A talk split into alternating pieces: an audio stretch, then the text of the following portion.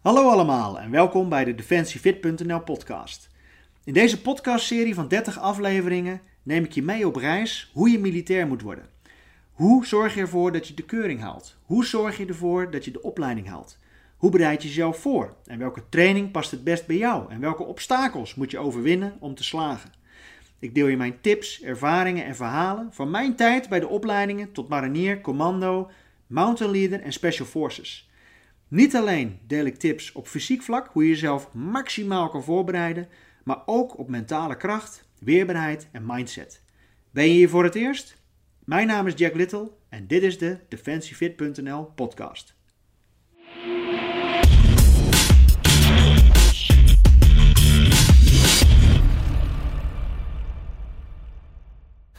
Alright, daar zijn we weer. Nieuwe aflevering, nieuwe kansen.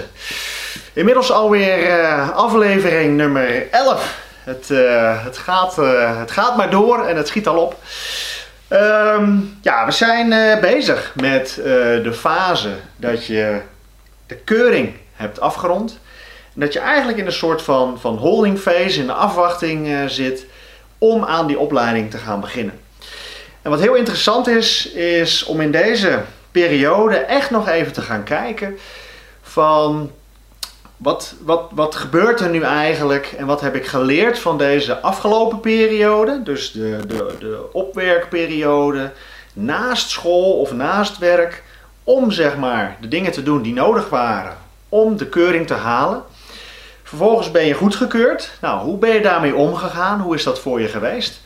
was dat uh, van, poeh, de druk is eraf, uh, hoera, groot feest, uh, nu hoef ik niks meer te doen. Dat kan, maar dat is een gevaarlijke mindset. Dus ik zou zeker zeggen van uh, ja, vier groot feest. En daarna hou die mindset vast van voorbereiden op die opleiding. Omdat het uh, ja, dan letterlijk echt gaat beginnen pas, uh, de start van de opleiding. En vervolgens dat je zegt van nou, welke omstandigheden zijn inmiddels al een klein beetje veranderd in de tussentijd. En waar ik in deze aflevering bij stil wil staan is eigenlijk het volgende. Dat je echt even bewust wordt van het feit van ja, dit is een fase waar ik nu in zit, een transitie tussen de afronding van voor velen vaak de schoolperiode, als jij na de middelbare school zeg maar defensie uh, instroomt, en dat dat dan een afronding is van een periode en dat je eigenlijk niet per se, eh, waarschijnlijk niet, echt al hebt meegemaakt dat je daarna totaal iets anders gaat doen. He, die, die school met, met, met verplicht naar school en, en de, het huiswerk maken en bezig zijn met school en voor school misschien projecten doen of samenwerken met andere klasgenoten. Uh, om dingen gedaan te krijgen voor school, ja, waarbij je dingen leuk vond en misschien ook minder leuk vond, maar dat je toch hebt doorgezet om het maar af te ronden. Misschien wel een 6 is 10 uh, houding hebt gehad, maar als het maar klaar is, als het maar af is en dat je dan uh, door kan gaan. En, en dat dat eigenlijk een fase is waar je dan nu waarschijnlijk dan in zit en dat het op een gegeven moment afgerond moet gaan worden en op een gegeven moment afgerond is. Hè, als we een klein beetje vooruit gaan kijken, als je nu in deze fase zit. En dat dan na afronding van die school, dat er waarschijnlijk nog even, eh, als je bijvoorbeeld de opleiding start bij Defensie na de zomer, dat je nog even die vakantieperiode hebt. En dat je na die vakantieperiode gewoon echt in een, in een nieuwe wereld stapt. Eigenlijk een, een, nieuwe, frisse start kan maken. Um, en, en dat het eigenlijk vrij nieuw is. En waarom ik dat zo bewust benoem, is eigenlijk omdat ik dat zelf ook had ervaren. Uh, als ik dan nu terugkijk uh, naar die periode. Middelbare school, vakantieperiode gehad. In die vakantieperiode gingen al mijn klasgenoten, vrienden, uh, kennissen, gingen ook langzaamaan hun, hun ding doen. Hè? De voorbereiding op het volgende wat ze na de zomer gingen doen. Sommigen gingen dan werken of anderen gingen verder studeren. Uh, sommigen gingen dus verhuizen naar andere steden. Dus langzaamaan zag je dat die groep die begon uit elkaar te vallen. Die in het begin ja, altijd standaard bij elkaar was. Nou, ik had dan gymnasium gedaan. Dus ik had echt zes jaar middelbare school. Dus dat was heel, heel normaal. Zes jaar lang zat je met ongeveer dezelfde mensen. zat je dan in dezelfde klassen. En dan zie je toch dat dat ineens langzaam uit, elkaar begint te vallen.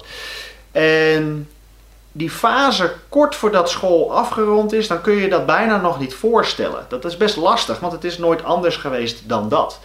Ehm, en, en, en op een gegeven moment gaat dat ook echt gebeuren. Ja? Dus, dus stel je vindt dat moeilijk of lastig of je kunt dat niet echt uh, inbeelden. Sta daar eens een keer echt bij stil van hoe gaat straks die zomer verlopen of de periode na afronding van de middelbare school. En dat we zeg maar ja, de fase doorlopen om het oude los te laten en dat we aan iets nieuws gaan beginnen. En dat je dus, ja, mensen, ook de anderen, gaan andere keuzes maken. En die gaan dus ja, vertrekken of die ga je al minder zien. En sommige mensen hebben uh, uh, hele mooie verhalen misschien wat ze allemaal gaan doen. En dat is ook nog wel een interessante, doe een klein uh, kijkje vooruit.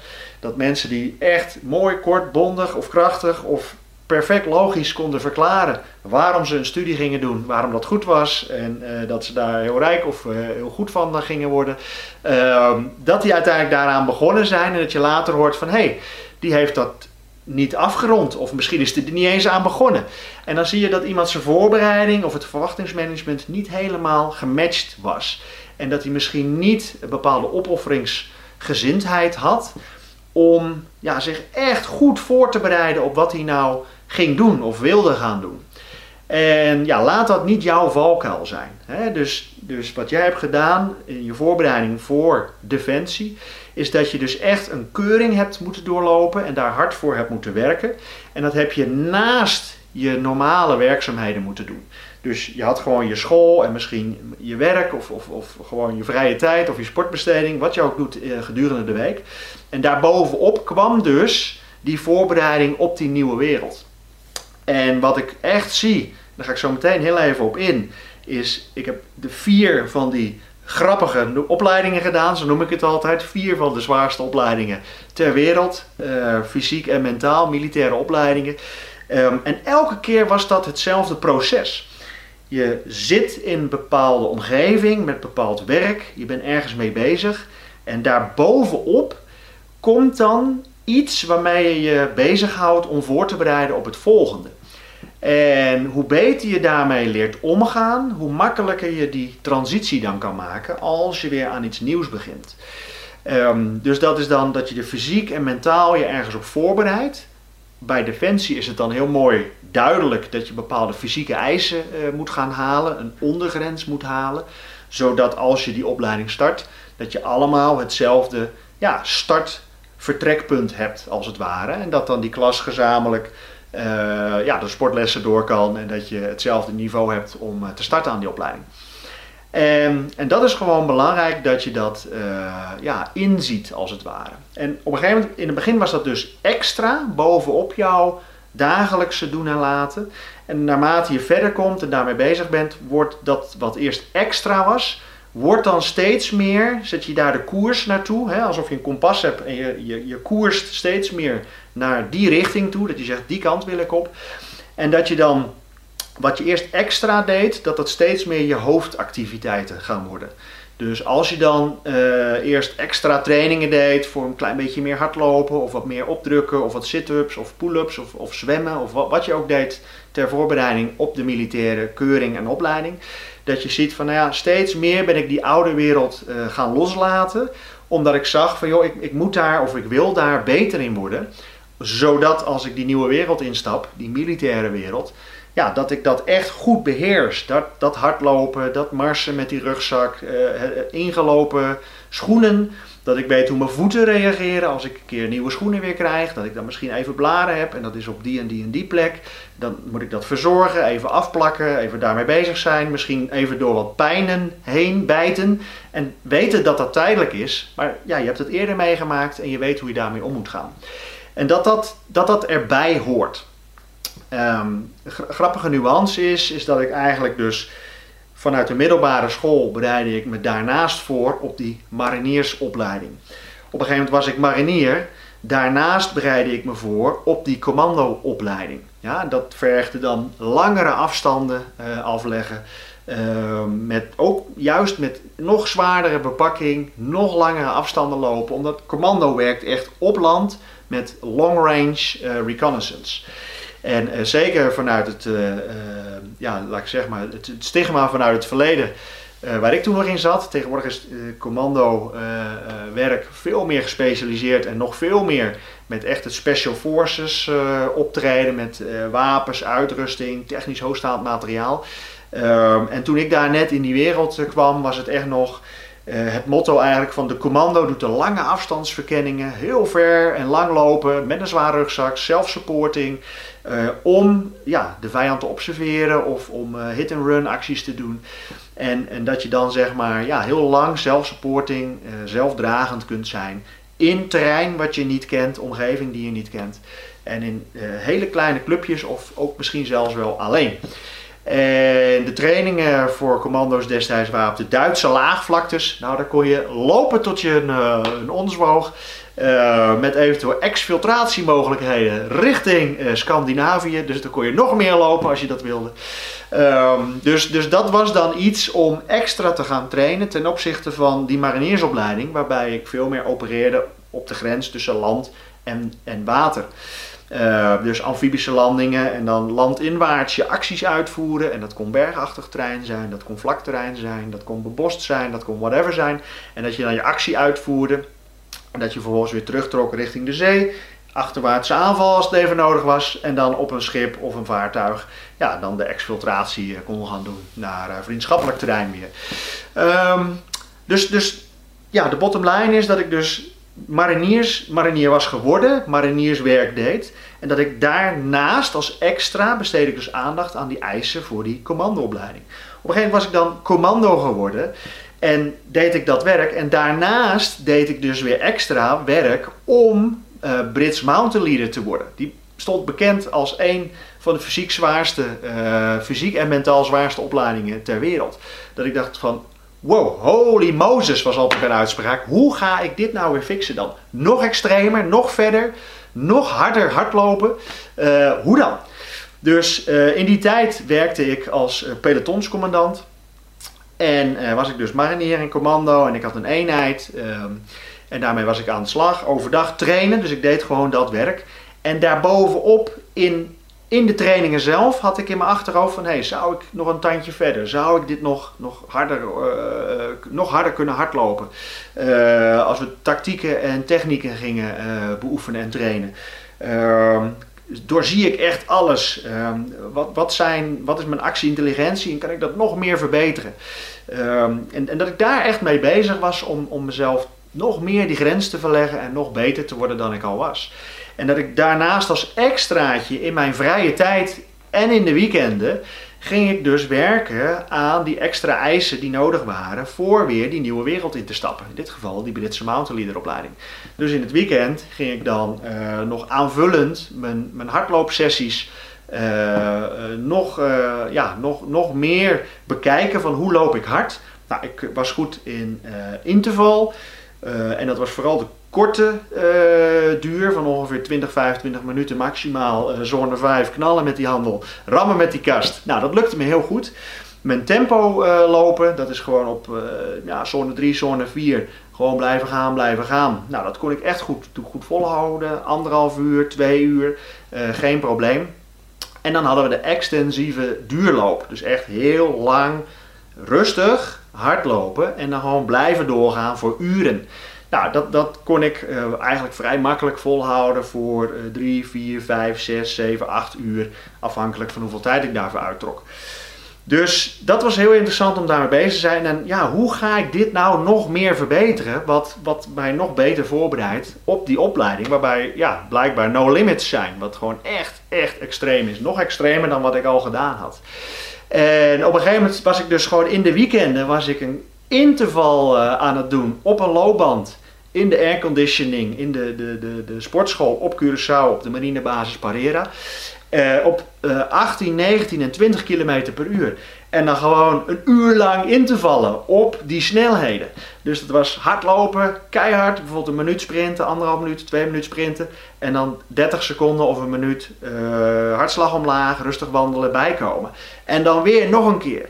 En dan weer knallen, sprinten, rammen met die kast. En dan weer 30 seconden of een minuut rustig wandelen, aanhaling omlaag, hartslag omlaag. En dan ging die weer. En dan bouwde ik dat uit van, nou in het begin lukte me dat uh, die kwartiertje. Dat ik dacht, wow, dit is wel uh, heftig. Even rusten. Iedereen om me heen zat ook te kijken van, het hoorde die machine. En dan, prrr, dan ging dat cijfertje omhoog op naar de 20. En dan hoorde je, hoorde ze die hele machine haast uit elkaar klappen. En ik stamp op, op dat ding. Dus... Um, op een gegeven moment kon ik dat uitbouwen naar, naar 30 minuten. En op een gegeven moment naar drie kwartier. En op een gegeven moment kon ik dan een uur volhouden. En dat was gewoon het noodzakelijke werk. Wat ik gewoon moest doen, wat ik wilde doen. Om nog beter te worden, om nog harder hard te kunnen lopen. Om uiteindelijk bijvoorbeeld een van die eisen te kunnen halen van uh, eh, 10 Engelse mijlen onder de 72 minuten. Dus dat is 16 kilometer onder de 72 uh, eh, minuten. En dan ook nog eens in heuvelachtig terrein. Dus ik ging ook heel specifiek. Je had dan uh, Fort Nassau uh, op Curaçao. Dat was een enorme heuvel uh, omhoog naast de marinebasis Parera. Daar kon je dan de heuvel op, op lopen. En ja, dan ging ik daar hardlooptrainingen doen.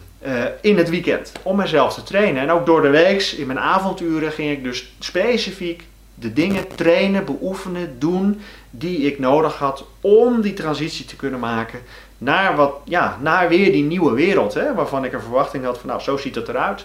Nou, uh, in militaire dienst krijg je in dit geval vaak uh, van die meldersinstructies. Daar staat precies in waar je dan uh, fysiek aan moet voldoen.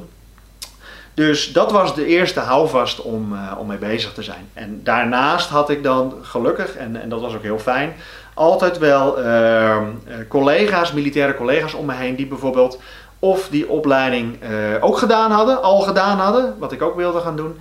Uh, ik had twee mensen in mijn omgeving daar, die kon ik vragen stellen en hoe zit dat nou? In het begin kreeg ik alleen maar hele stoere verhalen te horen. En op een gegeven moment bleef ik weer terugkomen en vragen stellen. En toen zei ze, hey, jij neemt het wel heel serieus, dus oké, dan gaan we steeds meer in de detail over dingen praten. Um, en, en, en dat was heel, heel, heel behulpzaam, heel ja, helpvol om het zo te zeggen.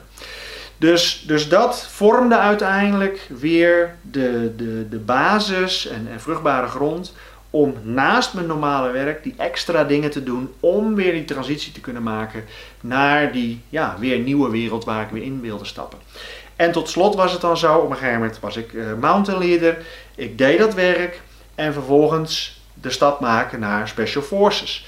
Dat ik zeg, nou, wat is er voor nodig om die stap te kunnen maken? Dus naast mijn normale werk deed ik daarbovenop extra werk om te kijken van oké, wat is er voor nodig om daar binnen te stromen? Dus dat was bijvoorbeeld tactieken en schieten, actie-intelligentie. Ik was al leuk fit, hè? smerig fit zeiden we in die tijd ook wel eens.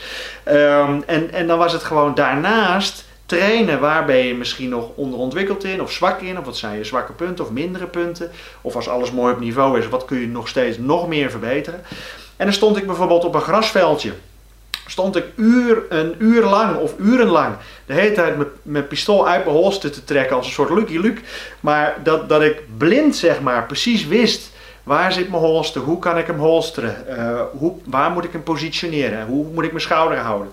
Uh, in het begin zat ik er telkens naast mijn holster, als ik dat heel snel wilde doen. En op een gegeven moment wist ik precies, hé, hey, hier moet ik zijn. Uh, hoe kan ik hem snel uh, mijn pistool trekken? Hoe krijg ik snel de loop in de goede richting op het doel? En dat ik dat, zeg maar, ook als ik dus daarbij ga vuren op een schietbaan, dat ik daarop ga trainen. Hoe kan ik steeds sneller en steeds beter in één keer mijn doel raken? Zonder eerst een soort uh, waarschuwingsvuur af te geven dat de tegenstander hoort: hé, hey, er is blijkbaar iemand op me aan het schieten, maar ik ga er niet doodhalen, want er schiet mis. Ja, dat moet je niet hebben. Dus, uh, dus dat was een mooie training om daarmee bezig te zijn: van oké, okay, daar kan ik me nog in ontwikkelen. Dus ga daarmee aan de slag. Ga dat doen. Dus ging ik technieken en tactieken uh, trainen en beoefenen om daar steeds beter in te worden. Zodat die transitie naar die nieuwe wereld op een gegeven moment uh, ja, beter of makkelijker of uh, ja, handiger zou, zou gaan verlopen. Um, en op een gegeven moment, ja, binnen die Special Forces, toen ik daar binnen was, um, zat ik ook niet meer in de wedstrijd als van, ja, in, in, in de opleidingsonderdelen van, oh jee, ik word hier afgetoetst en ja, als ik het niet haal, dan wat gaat er nou gebeuren? Dat is wel aan de hand. Hè? Dus je moet nog steeds die, die eisen halen en aan, aan, aan de norm uh, voldoen. Maar voor mij was het veel meer van: oké, dit is mijn werk, dus ik wil gewoon weten hoe dit werkt. Uh, wat zijn de tactieken, wat zijn de procedures, wat zijn de drills? Hoe is het gewenst in deze uh, eenheid, gezamenlijk als team, in ons optreden? Hoe ik me opstel, hoe ik reageer, wat is ons jargon? als we deze termen of thema's of uitspraken gebruiken, ehm, wat, moet ik zeggen zodat de rest zeg maar dan precies weet wat ik uh, bedoel en wat zij dan moeten doen. En, en daar word je steeds beter in, dat je dat steeds meer kan verwoorden en dat je uh, als team heel snel pakken ingespeeld was om die stappen te kunnen maken, om zeg maar in dit geval dus Special Forces operator te kunnen worden. En dat je dan bij die eenheid uh, aan, aan de slag mocht om dat werk te gaan doen. Dus voor mij zag ik uiteindelijk daar een mooie shift in ontstaan. Dat ik in het begin op de middelbare school had ik heel erg het idee van, oeh ja, ik, ik moet me aanpassen en, en, en wat willen ze nou horen en hoe zit het dan? Want het was echt een transitie naar een totaal nieuwe wereld. Uh, en op een gegeven moment was ik marinier en uh, ging ik richting die commandoopleiding. En was het vanuit mijn basis die ik al gebouwd had, ja, dingen plussen, daarbij doen, steeds beter worden. Maar ik moest wel andere dingen gaan doen die ik normaal deed. En ik moest ook mijn mindsets aanpassen.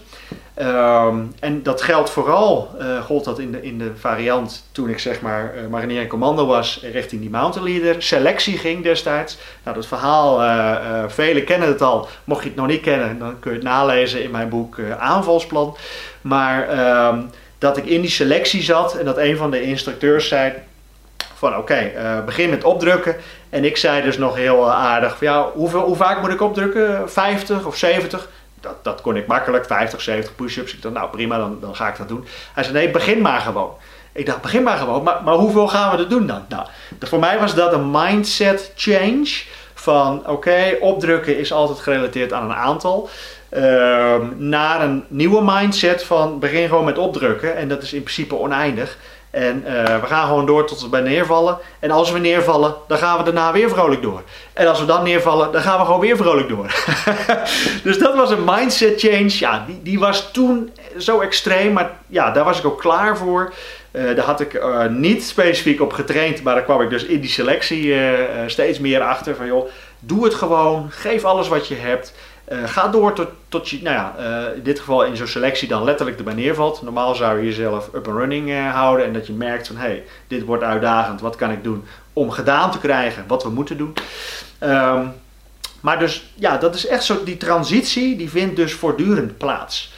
En, en dat is de, de moraal van het verhaal, dat je dus elke keer in zo'n transitiefase zal zitten. En je hebt het nu dadelijk dan, nu maak je het mee, letterlijk, fysiek in die fase van de keuring richting de, de opleiding, de start van de opleiding, dat je eigenlijk eventjes misschien wel de druk eraf hebt. Dus geniet ervan en wees daar in dit geval, na mijn verhaal, nu, vandaag, in deze aflevering, er bewust van dat het echt even luxe is. Um, en dat je dus ja, je, je, mooi kan werken aan van hoe, hoe is mijn lichaam? Is mijn lichaam krachtig? Heb ik ergens nog pijntjes? Uh, moet ik ergens nog aan werken? Uh, heb ik blessures lopen, ja of nee? En hoe hou ik mezelf up en running? Want het is in principe niet een uh, one-shot, one-kill actie wat je gaat doen. als je ook op een gegeven moment aan die opleiding begint, je bent geselecteerd, je, je, je, bent dus gekeurd, geselecteerd, aangenomen en eigenlijk je hebt ook een contract gekregen. Dus als je in die opleiding start, dan is het de taak van de instructeurs om in principe jou gewoon training aan te bieden en jou nog even wat vorming bij te, uh, bij te spijkeren, te geven. Zodat je daarna ja, gereed bent om naar de, naar de operationele eenheid te gaan uh, om te dienen, hè, om de functie te vervullen uh, waarvoor jij aangenomen bent. Um, dus het is niet zoals in de keuring dat het is van joh, haal je het niet, dan ben je gelijk weg. Het is echt een hele andere insteek en dat vergeten veel mensen nog wel eens dat je dus die opleiding ingaat. Je bent uh, basisgeschikt.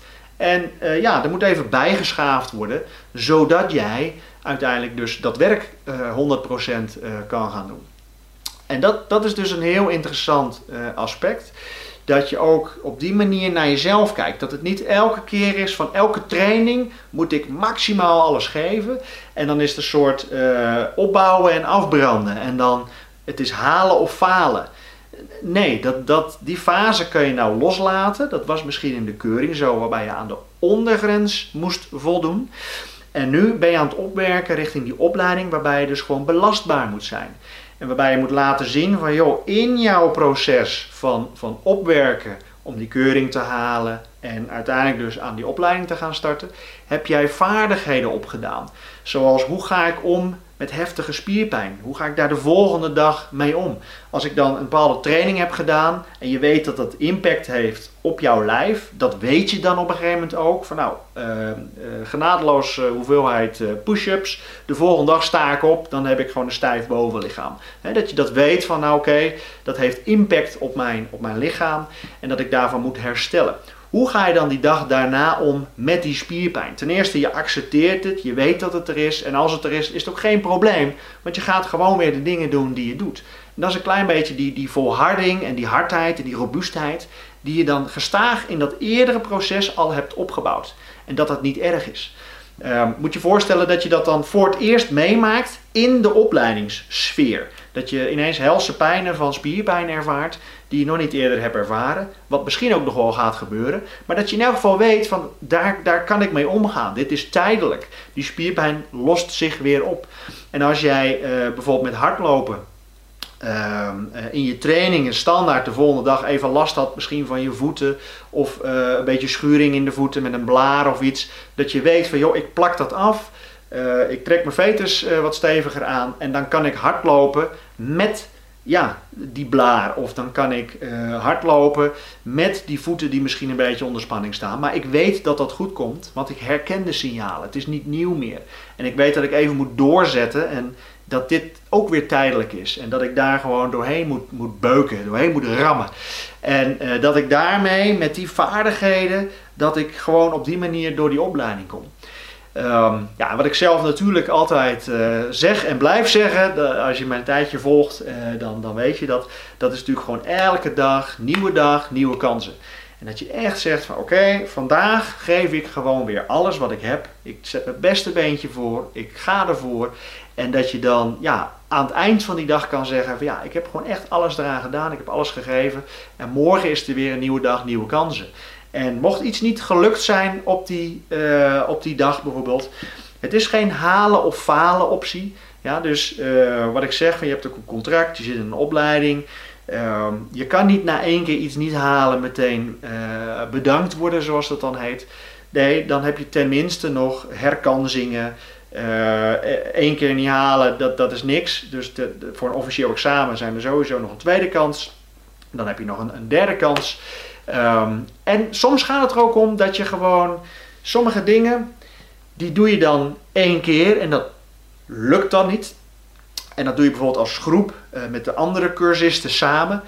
Uh, daar gaan we op de, in de volgende aflevering gaan, gaan we daarop in. Van, van ja, uh, hoe, hoe ga je om met de andere mensen om je heen.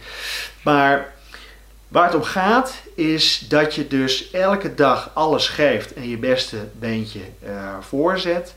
En dat je kijkt van oké, misschien ga ik dit nog wel tien keer doen of honderd keer doen. Um, want dit is iets wat in mijn functie hoort. En de kracht zit hem in de herhaling. En dat het in het begin moeizaam is of dat het niet lukt of niet gaat. Uh, mooi voorbeeld, als je dan eenmaal in die opleiding zit, dat je bijvoorbeeld zo'n kadertent moet opbouwen, zo heet dat dan. Uh, een grote tent met een heel buizenstelsel. Dat het in het begin hartstikke traag gaat, want niemand weet hoe dat ding in elkaar moet. En met elkaar moet je dat uitvinden. En uh, als je dat eenmaal een keer gedaan hebt, dan zeg je, nou, dit was de eerste keer. Natuurlijk krijg je van het kader te horen, dit was uh, kloten, niet goed, veel te traag, volgende keer moet sneller en beter. En dat je dat gewoon nog minimaal 10 keer gaat doen. En dat je ziet bij die nummer 10, dan is de geoliede machine. Dat je als team met de cursisten, met de cursus, dat je in één keer zo tada, die kadertent zo uh, in elkaar tovert. Uh, dat hij zo uit de truc komt rollen en je gooit hem zo aan elkaar in de lucht. En bam, daar staat hij binnen 10 minuten. Ja, dat is even gekheid op een stokje. Maar dat je gewoon ziet van oké, we weten nu, na zoveel keer dit herhalen en doen... Precies welke stang moet waar, hoe zetten we die tent op, wat is de logische volgorde, wie moet waar staan.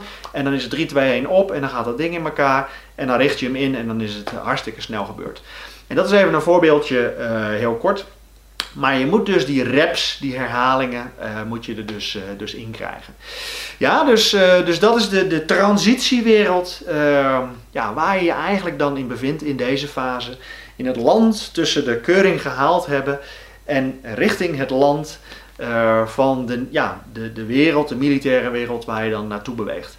En dat je ja, goed besef hebt van wat wat heb ik gedaan? Wat heb ik geleerd in het verleden? Waar sta ik nu? Langzaam gaat die wereld zich oplossen hè, na de middelbare uh, school, dat het afgerond is. De vakantieperiode uh, vangt aan. Uh, en je ziet gewoon de groep spat uiteen. Het gaat gebeuren. Mensen vertrekken naar andere steden, gaan er, ergens anders studeren. Iedereen gaat zijn ding doen. Iedereen gaat zijn pad volgen, hè, zijn droom volgen. En jij gaat in dienst, de militaire dienst, ga je in. Um, dus focus je daarop, doe de dingen die je moet doen.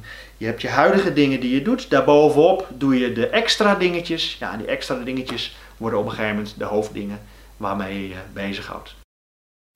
Oké, en de vraag waarmee ik uh, eigenlijk wil afsluiten is het volgende. Wat zou jouw versie van over vijf of tien jaar, als je dus de dingen aan het doen bent die je nu wil gaan doen, wat zou die voor advies hebben voor jou nu? Dus als hij dan terugkijkt naar, naar waar je nu staat, uh, welke tips of adviezen zou hij dan aan jou meegeven? Welke, welke versie uh, wil je worden, ga je worden en hoe word jij die nieuwe, betere versie? En als je dan in de toekomst terug zou kijken, welke tips of adviezen zou je dan jezelf geven? Ja, dus uh, laat het weten in, in de comments um, wat dat voor jou is. En ehm, ik ga je zien op de volgende aflevering. We gaan ervoor. Let's go. Wil je na het beluisteren van deze podcast nog meer weten over training voor defensie? Abonneer je dan en volg ons op Facebook, Instagram en YouTube via defensiefit.nl. Bedankt voor het luisteren en we spreken elkaar snel.